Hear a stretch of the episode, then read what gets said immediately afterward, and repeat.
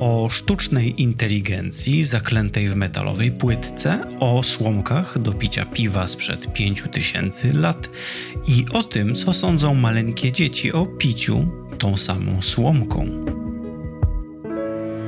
Styczeń w nauce.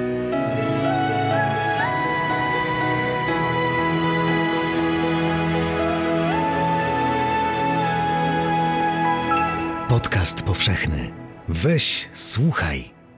Dziękujemy patronkom i patronom za wsparcie. Dołącz do grona dobroczyńców podcastu Tygodnika Powszechnego w serwisie Patronite. Witajcie moi szanowni, kochani, tu Łukasz Lamża i przegląd wydarzeń naukowych ze stycznia 2022 roku. No przegląd, jeżeli słuchacie mnie pierwszy raz, to może się dziwicie, a jeżeli nie, to już pewnie wiecie. Przegląd dość nie tylko subiektywny, ale chyba też przypadkowy. No cóż, jedno z tych trzech wydarzeń naukowych rzeczywiście jest istotne.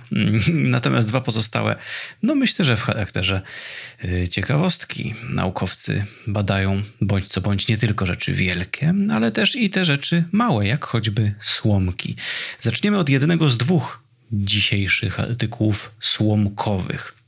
Y, opowieść zaczyna się w zasadzie 5000 lat temu, natomiast jej nowożytna odsłona w 1000 897 roku, kiedy to w mieście Majkop nad, no niedaleko Morza Czarnego, na południu Rosji, europejskiej części Rosji, znaleziono w takim kurhanie, czyli w miejscu, gdzie dokonywano 5000 mm, lat temu pochówków, znaleziono osiem tajemniczych obiektów takich długich, cieniutkich cylindrów. Y, początkowo myślano, że to są pałeczki, ale okazało się później, że puste w środku. Mm, długości około metra i nie było wówczas wiadomo i w zasadzie do dzisiaj nie do końca wiadomo, do czego miałyby one rzekomo służyć. Y, odkrywca tych, tego pochówku i osoba, która to opisała pierwotnie, profesor Nikolaj Weselowski, opisał je jako no jako, hmm, cóż, obiekty kultu albo, albo należące do jakiegoś władcy. Użył nawet słowa berło, żeby je opisać. Mm, później, tak jak autorzy tego artykułu, który dla Was dzisiaj omawiam, jak cytują, przypuszczano, że może były to na przykład tyczki do podtrzymywania baldachimu. No nie do końca wiadomo, co to jest. No pomyślmy o tym mniej więcej centymetrowej średnicy obiekt, czyli cieniutki, długi na nieco ponad metr. Natomiast no pusty w środku. No i pojawia się pytanie, po cóż ktoś miałby wykonywać tyczkę do podtrzymywania baldachimu mm, na sposób no, no, no tak skomplikowany. Pomyślmy o tym, jak to jest e, skomplikowana robota, żeby e, w cienką folię srebrną bądź złotą, bo to są obiekty y, srebrne bądź złote, zwinąć w tutkę i w dodatku uszczelnić tak, że jak wykazały te nasze najnowsze badania, można z niej pić. I to już w zasadzie ta, ta, ta skromna sugestia pokazuje, w jakim kierunku mm, poszły myśli y, grupki rosyjskich naukowców. No, skoro jest to szczelne, no to może rzeczywiście służyło to do picia. No i gdyby tak było, byłyby to rzeczywiście najstarsze słomki znane archeologom. Mówimy tutaj o okresie mniej więcej 3000, 3200, 3400 lat przed naszą erą. Na północ od Kaukazu, czyli na takich szerokich stepach ciągnących się od, no od Bułgarii, od Rumunii, przez, przez południe dzisiejszej Rosji, aż za Morze Kaspijskie, w głęboką Azję. No tam się działy, słuchajcie, ciekawe Naprawdę ciekawe rzeczy, piękne kultury, piękne cywilizacje kwitły. Mm, no i cóż, czy tam mogły się pojawić słomki? E, ciekawe pytanie. No, mnóstwo roboty zostało włożonej w wykonanie tych artefaktów. To są, to są bardzo precyzyjne, mm, bardzo precyzyjne roboty. Zauważmy choćby taki detal, że grubość ścianek takiego cylindra jest w zakresie 0,3 do 0,7 mm. Czyli to jest no, cieniutka, cieniutka folia zwinięta y, i w jakiś sposób y, połączona sama ze sobą. Oni tutaj używają wręcz słowa zespawana. Jakoś to zostało zbite ze sobą. Rzeczywiście no, wygląda na to, że swego czasu było to szczelne. Co więcej, na końcu tych obiektów, na końcu tych, no, nazwijmy to może już słomek mm, są takie ciekawe zgrubienia, wykonane zupełnie w inny sposób i nie do końca wiadomo, mm, do czego miałoby to służyć. E, fajnie by było to zobaczyć i e, jeżeli dacie radę, to znajdźcie ten artykuł i poszukajcie zdjęcia, natomiast spróbuję to dla Was opowiedzieć. To wygląda jak takie hmm, zakończenie, zakończenie mm, sitkowate takie. Wyobraźcie sobie, że na końcu słomki pojawiają się dziurki, pojawiają się podłużne perforacje. Cóż, o, co, o cóż tu może chodzić? Więc to tajemniczy obiekt, idealny kąsek dla archeologa. Autorzy proponują, że było to rzeczywiście sitko, mm, ponieważ wówczas piwo było bardzo mętne. I tak wygląda, e, tak wygląda e, wiodąca hipoteza tego artykułu. Taka mianowicie, że jest to zestaw ośmiu słomek służący do wspólnego, być może rytualnego, a być może po prostu imprezowego picia piwa. W tymże samym pochówku znaleziono takie nocbany, na dnie których znajdują się resztki y, materiału mogącego świadczyć o tym, że tam y, znajdowało się piwo. Zestaw ośmiu słomek, więc plan jest taki, że, że bierze się taką słomkę, wtyka się ją tą pogrubioną końcówką z perforacjami do dzbana i pije się wspólnie. Na końcu artykułu znajduje się nawet taka urocza rekonstrukcja przedstawiająca osiem y, przykucniętych osób siedzących sobie wokół wielkiego dzbana i pijących wspólnie z niego piwo. Y, jedno z przypuszczeń jest takich, że była to uczta ceremonialna, być może, y, piszą autorzy, szczytowy punkt rytuału pogrzebowego z Majkop. Tak się nazywa to miasto, od niego też kultura majkopska. No i tak właśnie się y, bawią archeolodzy, zgadując, zgadując, słuchajcie, y, cóż to mogłoby być. Na wsparcie swojej hipotezy mm, cytują znaleziska z południa, jeszcze dalej na południe, za Kaukazem. Wówczas y, kwitła piękna cywilizacja o nazwie Sumer. Jestem przekonany, że o Sumeryjczykach niejedno słyszeliście. No byli oni rzeczywiście wówczas jedną z najbardziej zaawansowanych cywilizacji na świecie i tam były tego typu słomki. Znane są, bardzo podobne do nich. Mm, stąd też chyba tytuł artykułu Party like a Sumerian. Imprezuj jak Sumeryjczyk.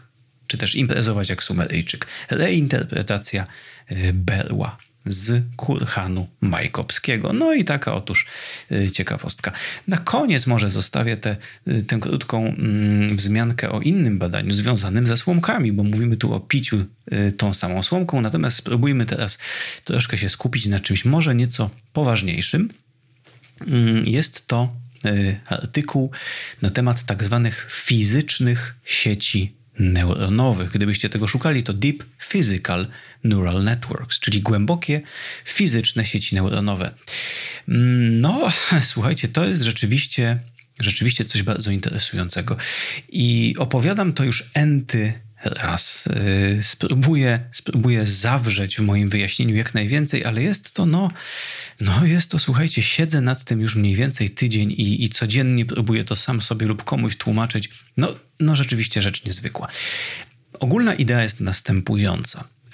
Bierzemy jakiś program komputerowy wykonujący dla nas jakieś zadanie. Bierzemy w tym wypadku, mówimy o takim typie algorytmu, typie programu komputerowego, który nazywa się sieć neuronowa. To jest bardzo złożona struktura obliczeniowa, mm, składająca się z wielu warstw, z wielu tysięcy, czasami milionów elementów. Tam te sygnały przepływają. Niektórzy to porównują do, do takich małych jakby muszczków elektronicznych. No w każdym razie, przypuśćmy, że zadajemy tego typu sieci jakieś zadanie.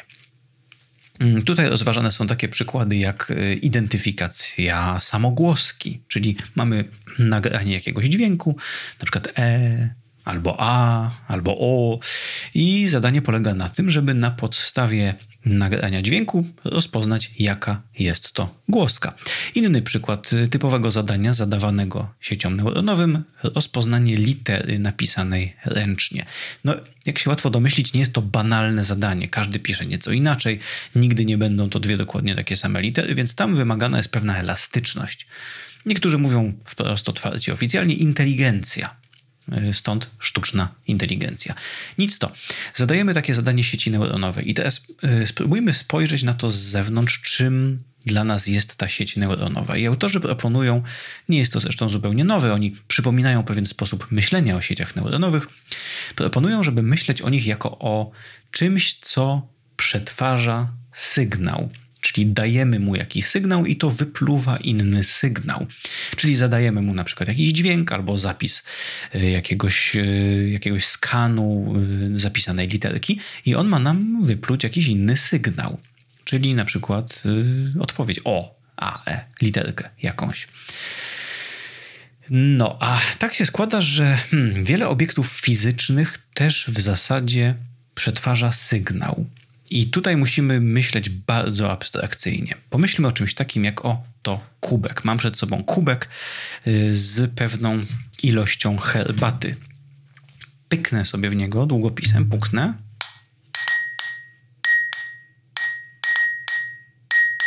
I co tu się dzieje? Albo puknę u, to jest w, puknąłem w tym momencie w sitko, yy, które oddziela yy, moje usta od mikrofonu. No i co się dzieje?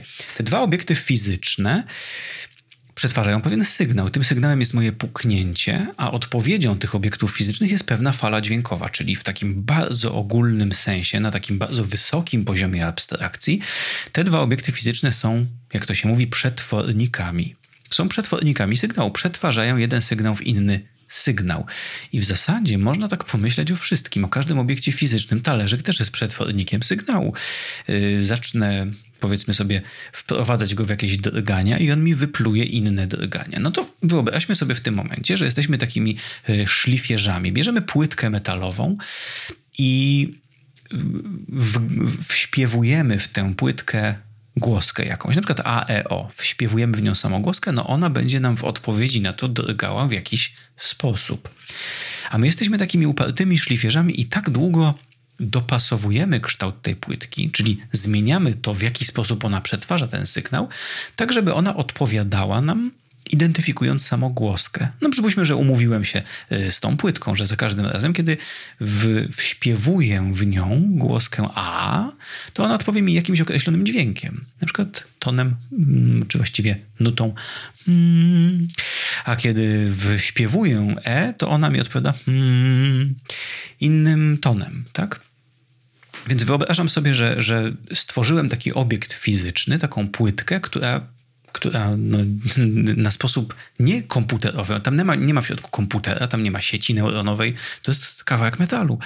Ale wyobraźmy sobie, że jesteśmy tak zręczni, że umiemy wymyślić taki kształt płytki, żeby ona przetwarzała nam samogłoski i to jeszcze na sposób elastyczny, na sposób niejako inteligentny, w pożądaną odpowiedź.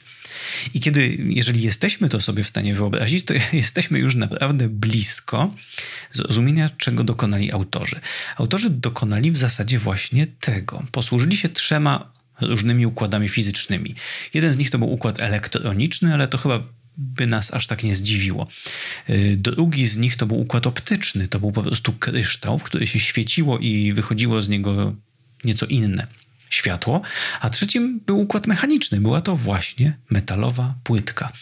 I wymusili na tych trzech obiektach fizycznych, żeby pełniły funkcję sieci neuronowej, wykonując właśnie takie zadanie, jakie Wam przed chwilą opowiedziałem, czyli identyfikacja zapisanej ręcznie na papierze literki albo identyfikacja yy, nagrania jakiejś samogłoski.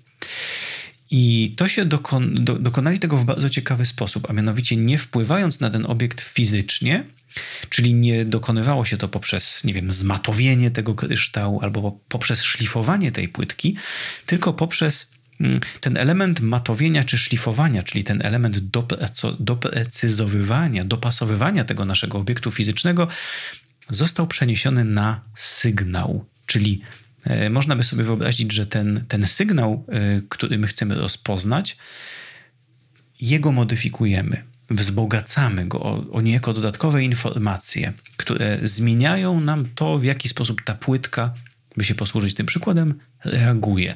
Ja zdaję sobie z tego sprawę, że to jest bardzo abstrakcyjne i ciężkie do zrozumienia, ale spróbujmy, bo za tym się kryje, jak, jak wydaje się, nie tylko mnie, jak wydaje się komentatorom tego artykułu, kryje się dość duża duża, no nie powiem, że ewolucja, ale ma to rzeczywiście gigantyczny potencjał, żeby nieco zmienić pole tego, czym mogą być komputery. Więc spróbujmy jeszcze raz zastanowić się, co tam się dzieje, bo mm, no, wygląda na to, że, że będziemy jeszcze o tej technologii słyszeć. Dołącz do grona dobroczyńców podcastu Tygodnika Powszechnego w serwisie Patronite. Mamy więc jakiś obiekt fizyczny, niech to będzie nasza metalowa płytka, i karmimy go e, dźwiękiem samogłoski, powiedzmy sobie, podajemy mu te drgania samogłoski, natomiast dodatkowo podajemy im też w postaci drgań jakiś taki dodatkowy sygnał. Wyobraźmy sobie, że nakładamy na siebie dwa dźwięki. Dźwięk tego, e, tego głosu, który chcemy rozpoznać, i dodatkowy sygnał. I ten sygnał jest tak jakby naszym programem komputerowym.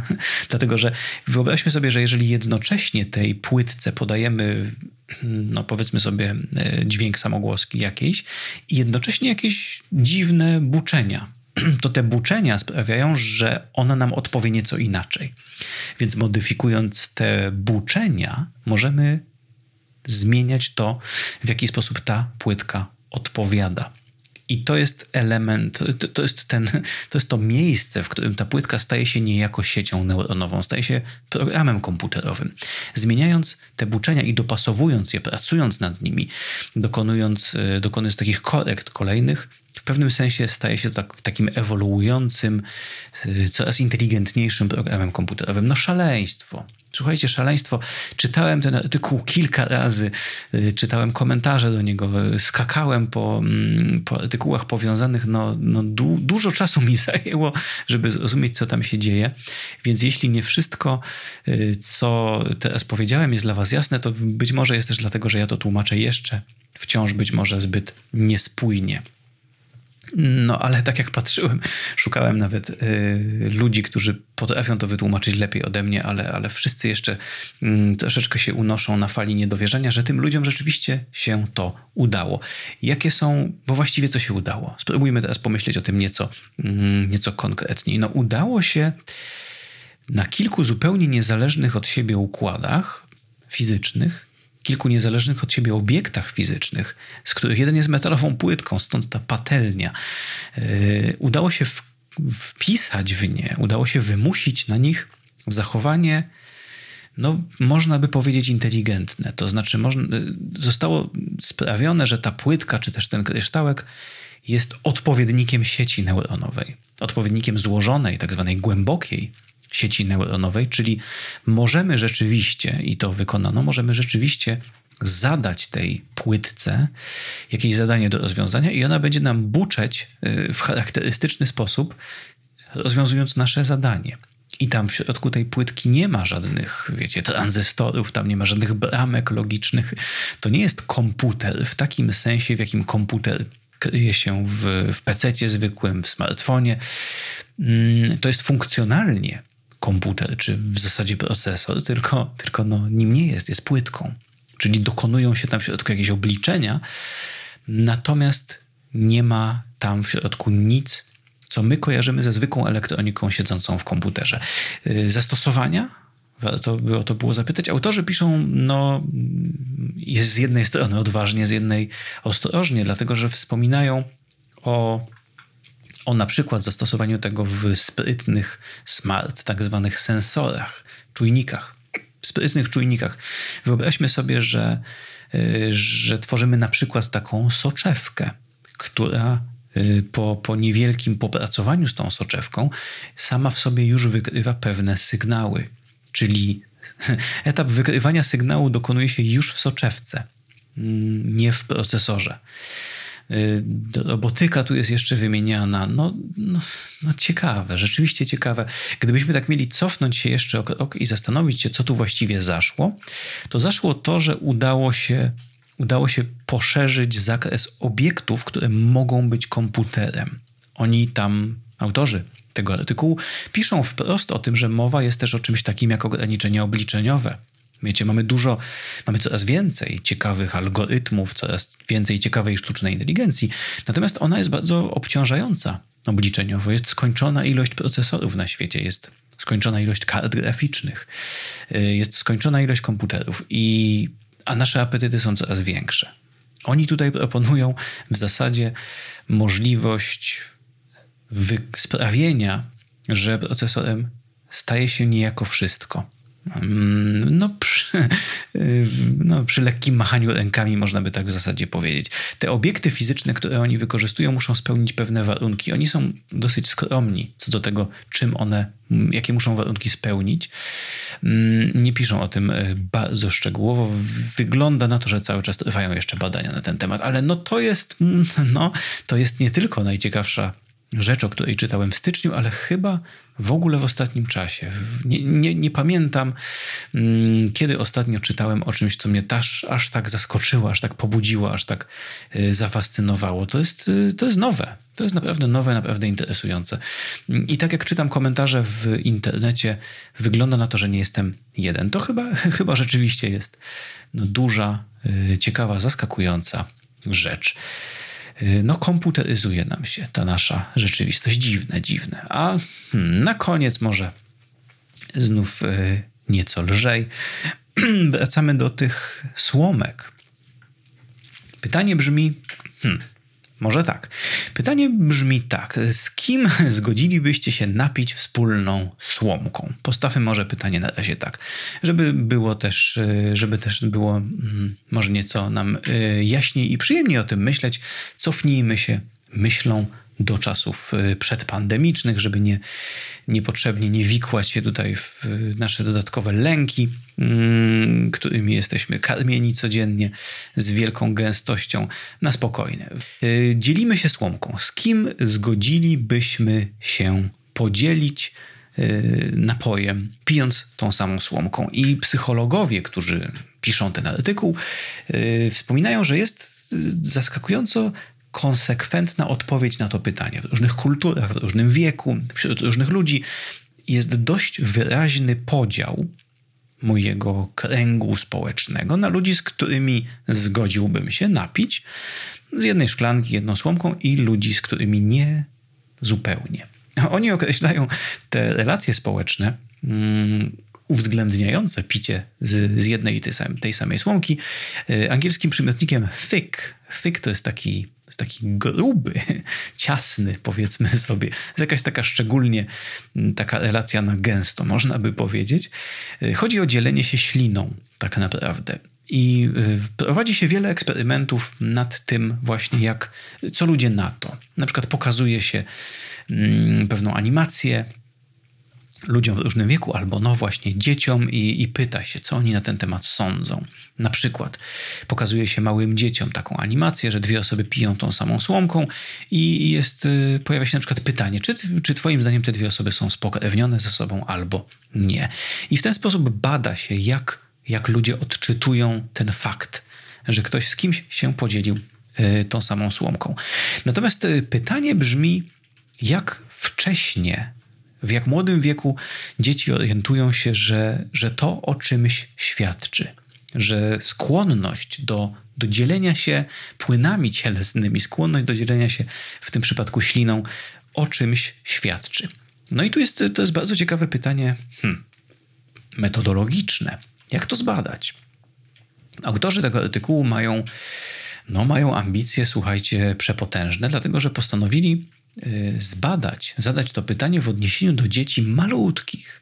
Zaczęli od, y, zaczęli od dzieci w wieku, mm, patrzę w tym momencie, no kilkunastu miesięcy, najpierw 16 do 18 y, miesięcy, czyli no mówimy tam o, o, o małych dzieciach, takich no już raczkujących zręcznie lub stojących tu i ówdzie, natomiast no wciąż jeszcze nieporadne dzieci, mm, nie gadające za bardzo. Natomiast y, co, co jeszcze z młodszymi dziećmi? Nawet, patrzę tutaj 8, 8 do 19 w drugim eksperymencie, czyli 8-miesięczne dziecko, słuchajcie, no nie wyjaśni nam, tak?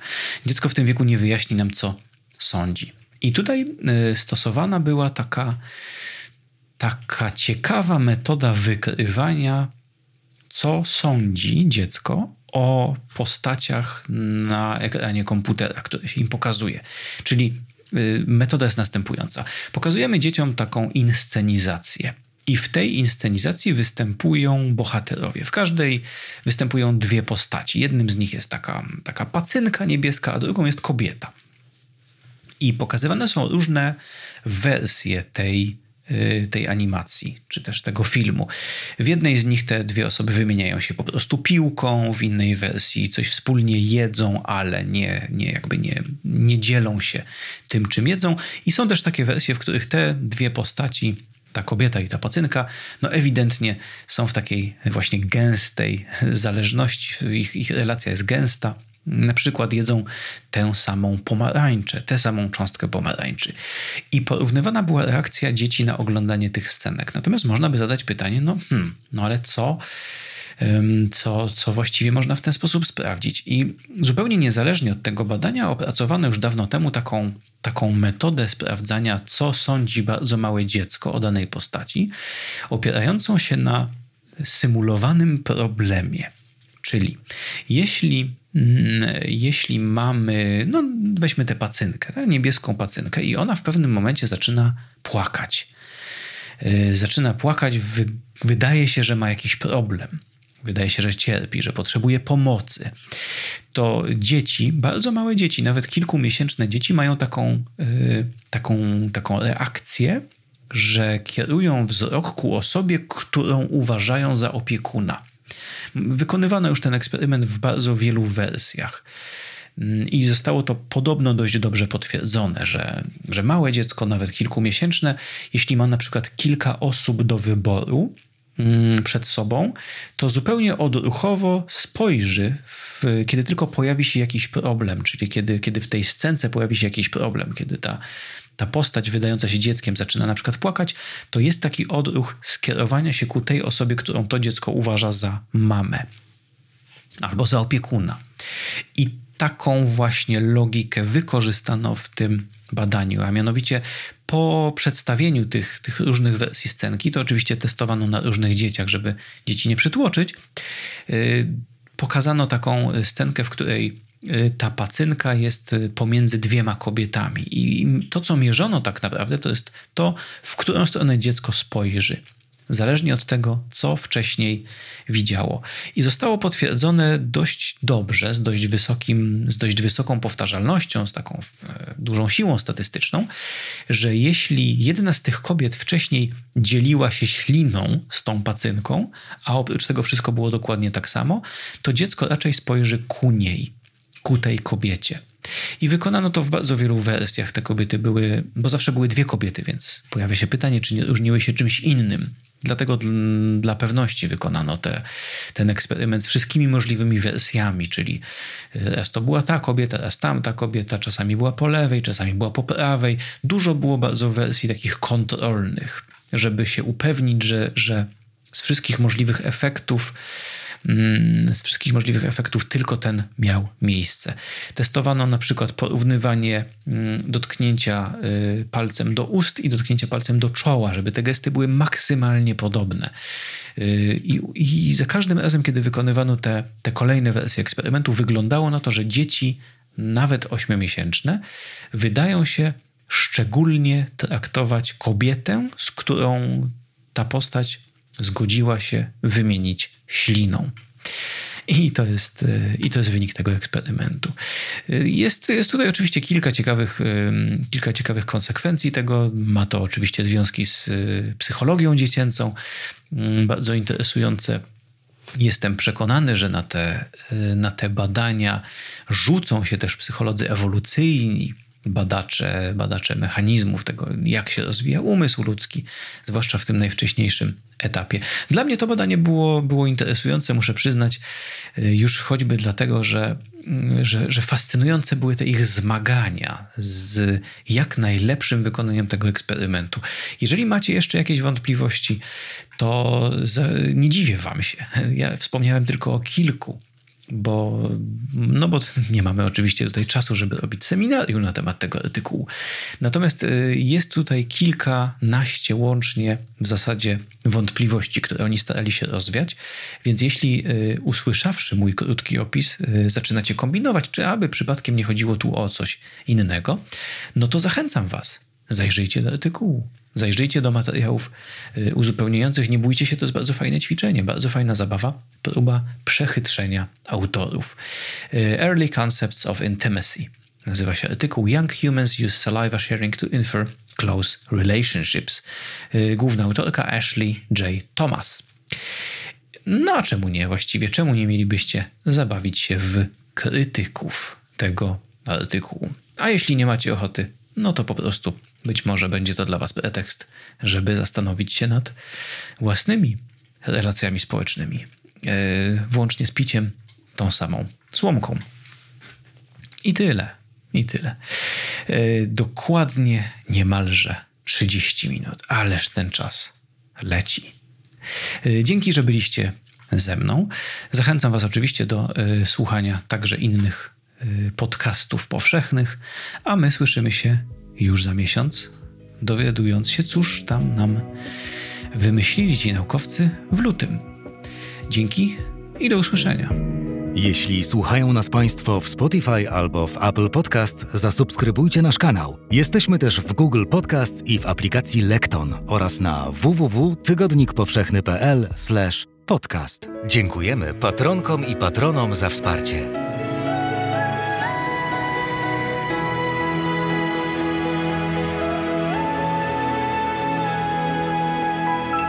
Podcast powszechny. Weź, słuchaj.